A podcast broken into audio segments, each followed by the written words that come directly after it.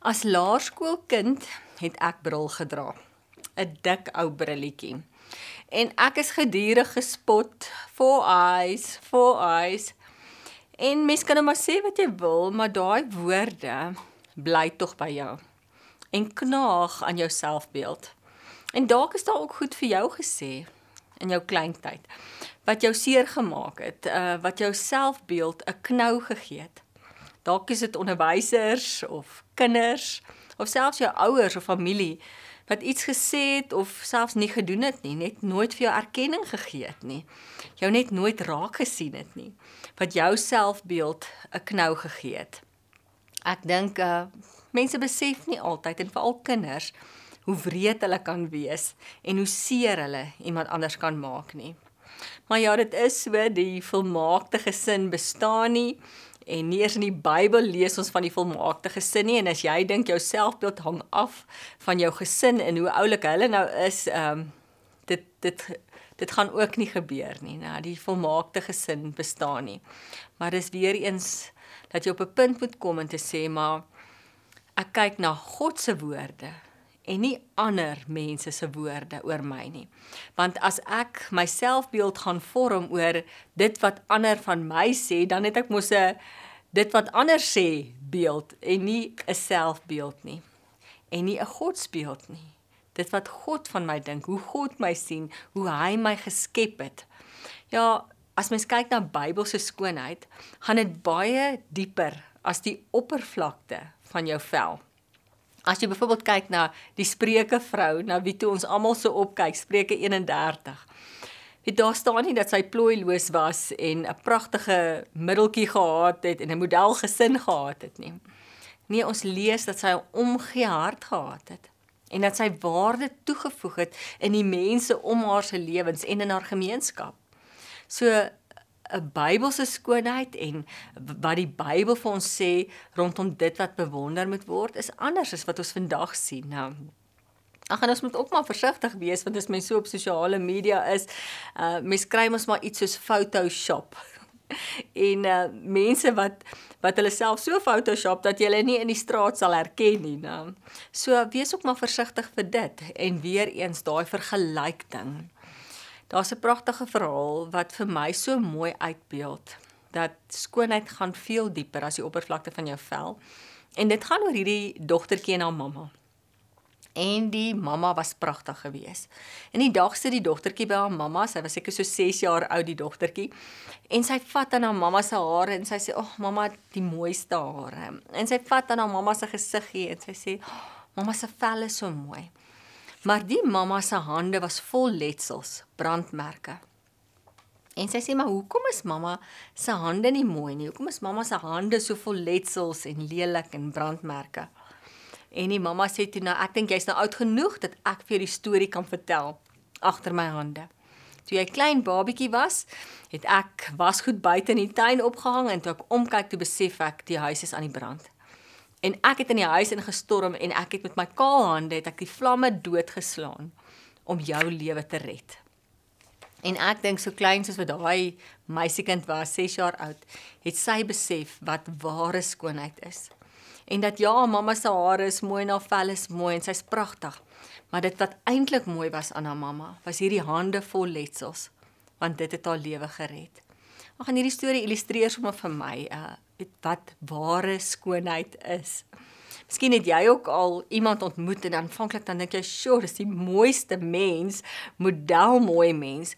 En dan begin hierdie persoon praat en dan sit kritaal en uh, lelike woorde en afbreekend en skinder en het jy al agterkom baie mense kan vir jou soms selfs fisies mooier raak hoe ouer hulle raak of minder aantreklik. En dan kan dit dalk 'n gewone gesiggie wees, maar hierdie vrou het so liefdevolle omgee hart en haar woorde bou op en en dan raak daai persoon vir jou fisies mooier. Ek wonder of dit nie iets is van 'n innerlike skoonheid wat begin uitkom nie. So wat waaroor gaan skoonheid nou eintlik? Nou wat is die persepsie van skoonheid? En as ons die Bybel reg verstaan, dan gaan dit veel dieper as die oppervlakte van jou vel. En Ja, gaan dit oor om nie vertroue in jouself te stel nie. As ek moet vertroue in myself stel, gaan gaan ek myself soveel keer teleurstel. As ek moet in myself glo, gaan ek myself soveel keer teleurstel, maar ek glo in God. Ek vertrou God en daarom kan ek God se vertroue hê of dan selfvertroue hê. Maar ja, ons weet al hierdie dinge, nou ons weet dit, maar ons sukkel om dit te word. Ons sukkel om dit regtig te glo.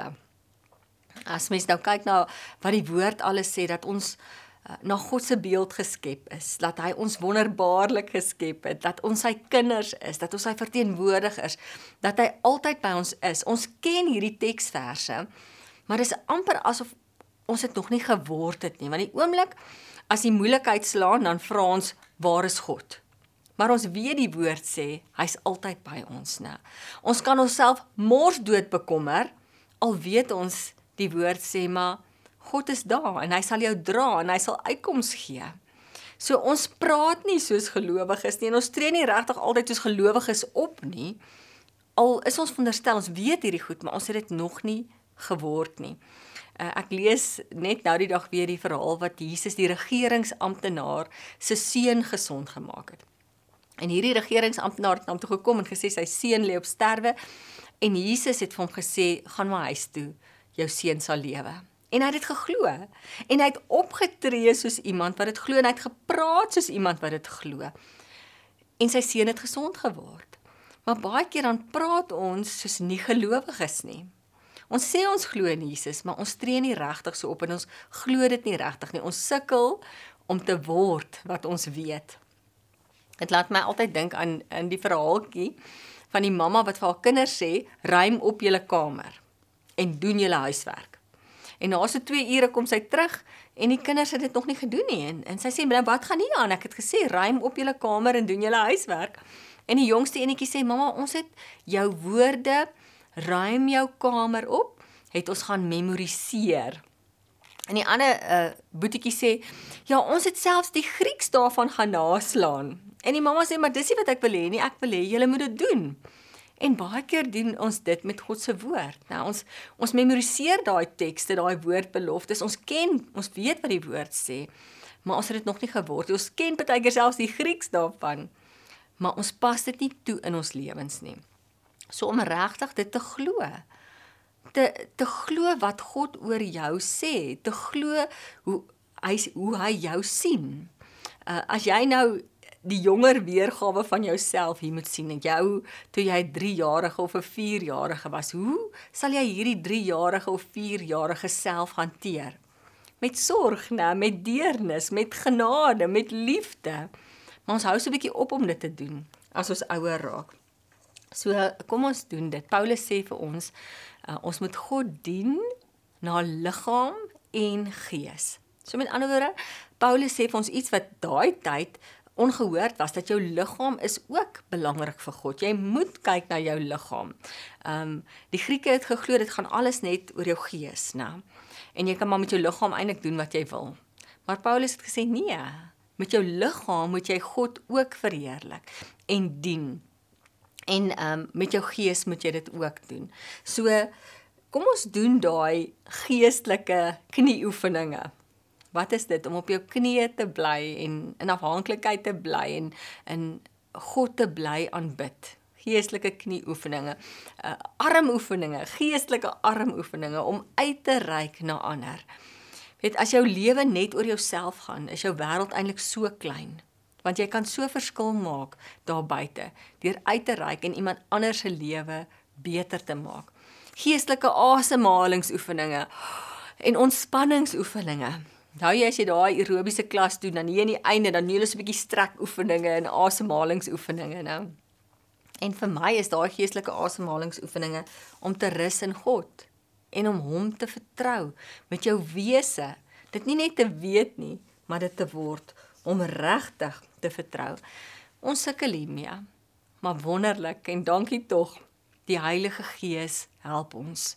Sy Parakletos, dis die Griekse woord vir Heilige Gees en dit beteken onder andere helper. Heilige Gees beteken helper. Hy help my om meer en meer God se wil te doen. Hy help my en hy buig my wil om dat ek sy wil doen.